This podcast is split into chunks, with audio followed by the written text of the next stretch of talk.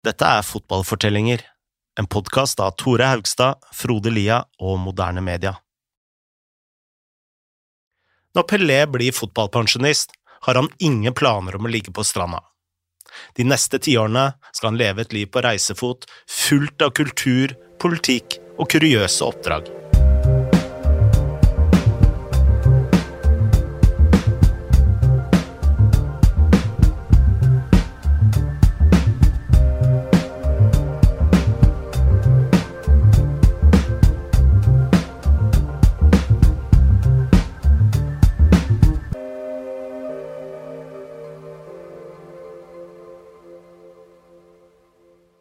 Pelé anså alltid seg selv som to personer.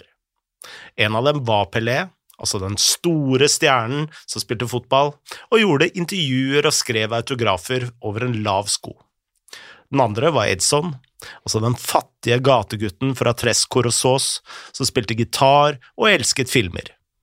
Omtrent siden tenårene hadde han levd som Pelé, men nå som han hadde lagt opp, trodde han at han skulle slappe av og være Edson.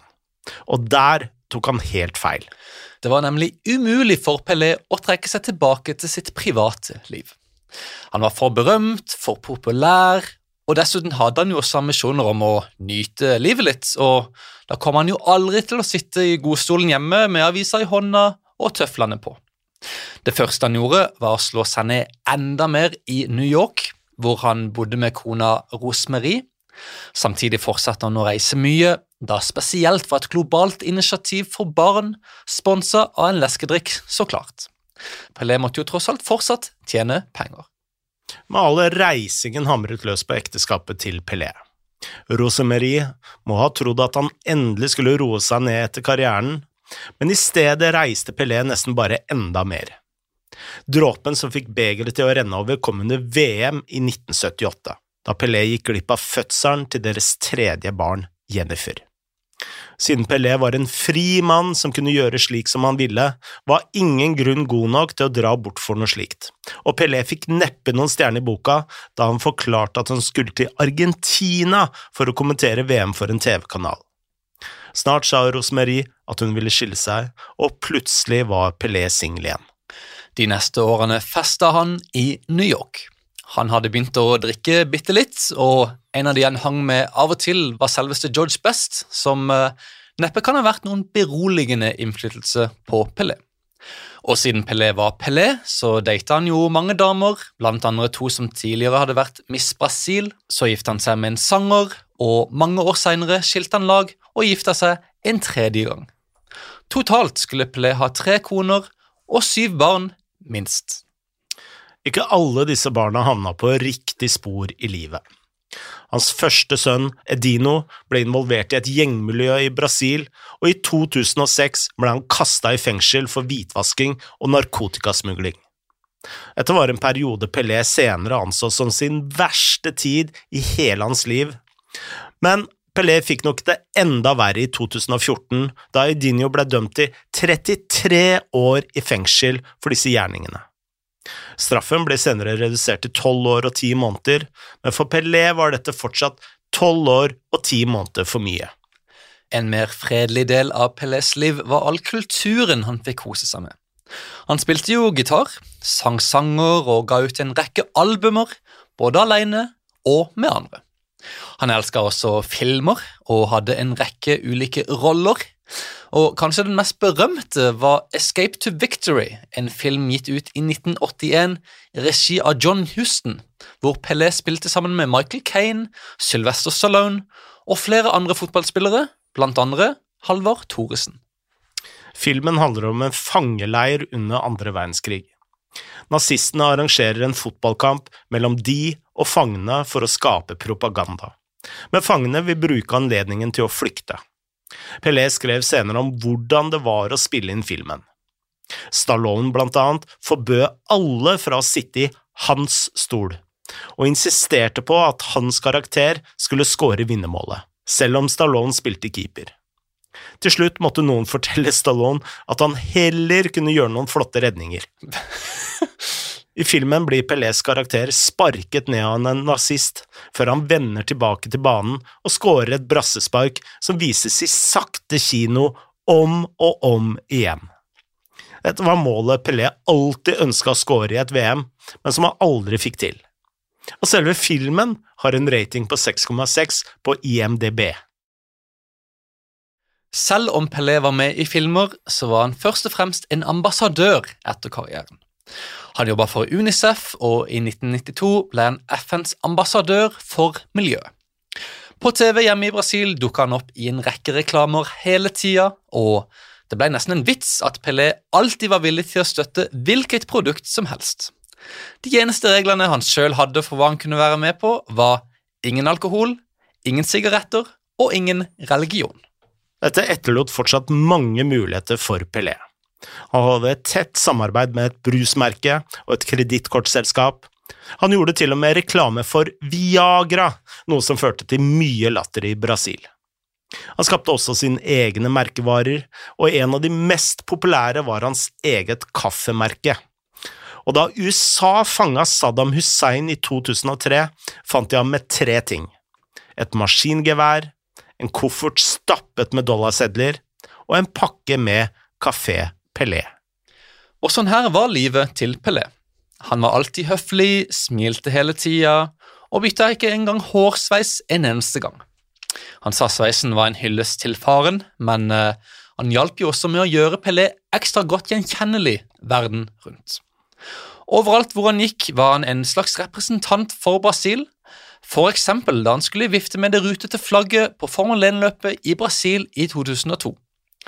Pelé hadde kun én jobb den dagen, men idet Michael Schumacher krysser linja i sin røde Ferrari, så snur Pelé seg bort fra banen for å prate med noen som står ved siden av. Schumacher suser i mål, og to andre biler krysser også linja, uten at det kommer noe flagg fra Pelé. Og så vender Pelé seg endelig tilbake mot banen, og eh, jeg tror jeg sier det riktig når jeg hevder at Pelé ikke ble invitert tilbake til Formel 1-banen. Pelé skulle ha mange slike roller. La oss høre fra Marius Lien om hvorfor han var så populær som ambassadør. Han er jo helt perfekt for uh, de som har lyst til å bygge en nasjon. Bygge en uh, sterk enhet i Brasil. Det er Pelé den perfekte figuren. Fordi han, han, er svart, som du sier, favner en del av befolkninga, men også fordi han er, er veldig godt likt blant establishmentet. Og I tillegg så er han jo veldig vanskelig å mislike. Og Dermed så blir han det perfekte symbolet i alle retninger. Mens eh, andre har liksom andre haker ved seg. Hans eneste hake er at den er så glatt i alle kantene etter at han la opp. Men det er jo kanskje en dårlig grunn til å mislike den. Så Derfor så um, blir den så, så, bra som symbol. og Derfor så har eh, alle fotballautoritetene, også nasjonale autoriteter, veldig gjerne eh, villet eh, omfavne han og bruke han. Men Pelé gjorde mer enn å smile og hilse på folk tidlig på 90-tallet satte han opp et eget selskap innenfor sports- og markedsføring. Og før VM i 1994 bydde dette selskapet på rettighetene til å vise VM i Brasil. Han tapte budkrigen mot Oglobo, et av Brasils største medienettverk, men det uvanlige var at Oglobo hadde bydd fire millioner dollar, mens Pelé hadde tilbudt fem millioner dollar. Så hvorfor tapte Pelé? Svaret var at sjefen for det brasilianske fotballforbundet var Ricardo Teixeira. Han var gift med den eneste datteren til Joe Havelange, som fortsatt var Fifa-president. Både Havelange og Teixeira var korrupte helt inn til beinmargen, noe alle som har hørt vår sesong om Havelange, vet veldig godt. Og nå gikk Pelé ut og sa at Teixeira hadde tatt en million dollar i bestikkelser for å gi rettighetene til Oglobo. Texeira svarte ved å saksøke Pelé, og dette starta en feide mellom Pelé og Havelange, som førte til at Fifa stengte Pelé ute fra VM-trekninga i Las Vegas det året. Seks måneder etter VM prøvde Pelé selv å få slutt på korrupsjonen. Han ble selv Brasils sportsminister og foreslo en ny lov som sa at Brasils fotballklubber måtte drives med mer åpenhet i finansene. Denne loven skulle også gjøre det lettere for spillere å bytte klubber når kontrakten var over, litt som Bossmann-loven i Europa. Disse forslagene møtte tøff motstand hos de etablerte fotballelitene i Brasil, og Pelé ble så lei av de politiske kranglene at han sa opp i 1998. Den såkalte Pelés lov ble pressa igjennom, men så mye av den originale teksten hadde blitt fjernet at Pelé ikke ville ha noe med den loven å gjøre. De neste årene fortsatte Pelé som ambassadør, og havna igjen på lag med eliten i Brasil. Han er jo en eh, representant for etablissementet i Brasil, i hvert fall, på alle måter. Helt sånn alle kanter avslipt, og en, en, eh, en merkevare, egentlig, da, Pelé. Og veldig god venn med Fifa, alltid. Til stede på alle VM. Jeg tror VM i Russland 2018, første han ikke var på. Eh, og da var han der. Og han var bare Pelé, da.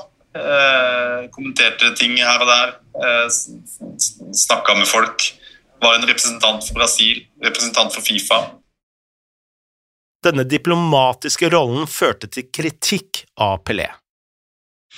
Kritikken har gått på at han eh, i liten grad har eh, brukt posisjonen sin til å liksom virkelig stå for noe som kanskje skaper endringer.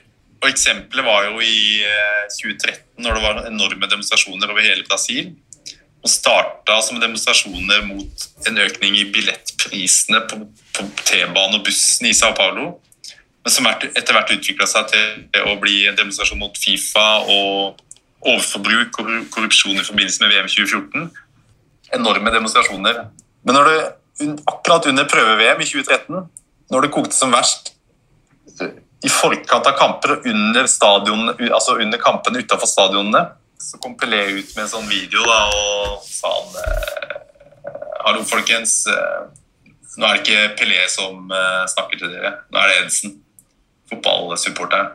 Nå må dere bare slutte opp og demonstrere, gå hjem og sette dere opp foran TV-en og kose dere litt med fotball, så, så, blir det bra etter hvert nå. Det er det vi fotballfans må gjøre nå. Så Det viser at han er helt i utakt med det som skjedde på gata i Brasil. At han ikke hadde en anelse om det tidvis rettmessige raseriet mot Eh, overforbruket og hvordan Fifa tar seg til rette i land under VM. Dette til tross for blei Pelé i stor grad populær i Brasil. En gang ble han kjørt av en sjåfør i Sao Paulo da bilen stoppa på rødt lys. Plutselig ble de angrepet av to tyver med våpen. En av de retta pistolen mot sjåføren, mens den andre sjekka hvem som egentlig satt i baksetet her. Og da de så at det var Pelé, så sa de rett og slett bare unnskyld og dro. Så stor var Pelés status i Brasil at alle som var flinke til noe, ble sammenlignet med ham. Uh, in Brazil, Pelé became kind of a benchmark for anything you do. Like, if someone is famous for being the best radio host, we would say that this guy is the Pelé of radio. Or the guy, this guy is the Pele of, of basketball. So if you look at Brahma's Instagram account, Brahma is a AB InBev beer in Brazil, one of the most popular ones. Uh, their reaction to Pele's passing was in this line of like Ali, the Pele of boxing, Simon Biles, the Pele of athletics, Serena, the Pele of tennis. So it's common for people to use Pelé as a, as a benchmark just to highlight how this person is good or not on what he does or she does. Pelé døde 29. desember 2022 i en alder av 82 år. Da han ble begravet, sørget Brasil og en hel fotballverden.